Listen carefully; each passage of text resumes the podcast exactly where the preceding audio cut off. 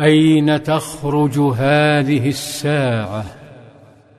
التفت كعب بن الأشرف وهو في مجلس بني النضير بالعوالي إلى الشباب المقبلين عليه فأنكر مجيئهم في هذه الساعة وملأ الرعب ثيابه فصاح ما جاء بكم؟ فقال أحدهم جاءت بنا إليك الحاجة. لم يكن كريما ليدعوهم ولن يذهب إليهم فهو خائف. لذا قال فليدن إلي بعضكم فليحدثني بها. هنا تقدم محمد بن مسلمة بهدوء ولما اقترب منه أخبره بأنهم بحاجة ملحه إلى المال لدرجة اضطروا معها إلى بيع دروعهم. وقال إن هذا الرجل قد سألنا صدقة وإنه قد عنانا وقد مللنا منه وإني قد أتيتك أستسلفك.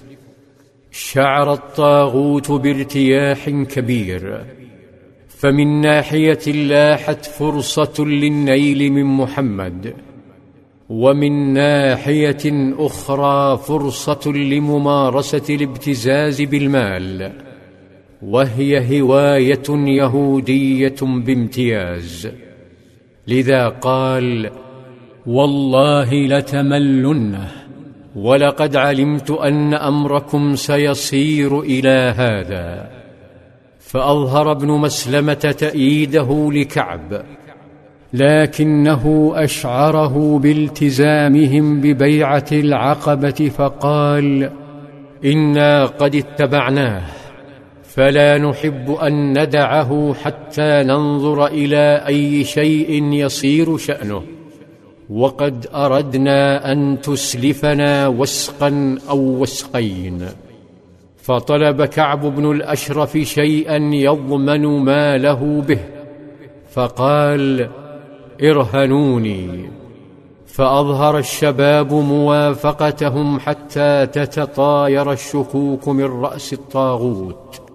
فقالوا أي شيء تريد؟ فكان جوابه خسة يهودية حين قال إرهنوني نساءكم فقالوا كيف نرهنك نساءنا وأنت أجمل العرب؟ فقال إرهنوني أبناءكم قالوا كيف نرهنك أبناءنا فيسب أحدهم فيقال رهن بوسق أو وسقين هذا عار علينا ولكنا نرهنك اللأمة أي السلاح. وافق كعب ثم تفوه بكلمات تحريضية قائلا والله لئن فعلتم ذلك لقد جهدتم. فأظهر ابن مسلمة تأييده لكلامه فوجدها كعب فرصة لتنفيذ مؤامرته لكن المكان غير مناسب. تلفت ثم طلب من ابن مسلمة أن يأتيه بعد العشاء حين يهدأ عنهم الناس وتغيبهم البيوت. وافق الشباب وانصرفوا وبعد أن صلوا العشاء مكثوا وقتا حتى تأكدوا من نوم أهل الحصن وانطفاء مشاعله. أشرق البدر وأنار للشباب دروبهم نحو الحصن فساروا.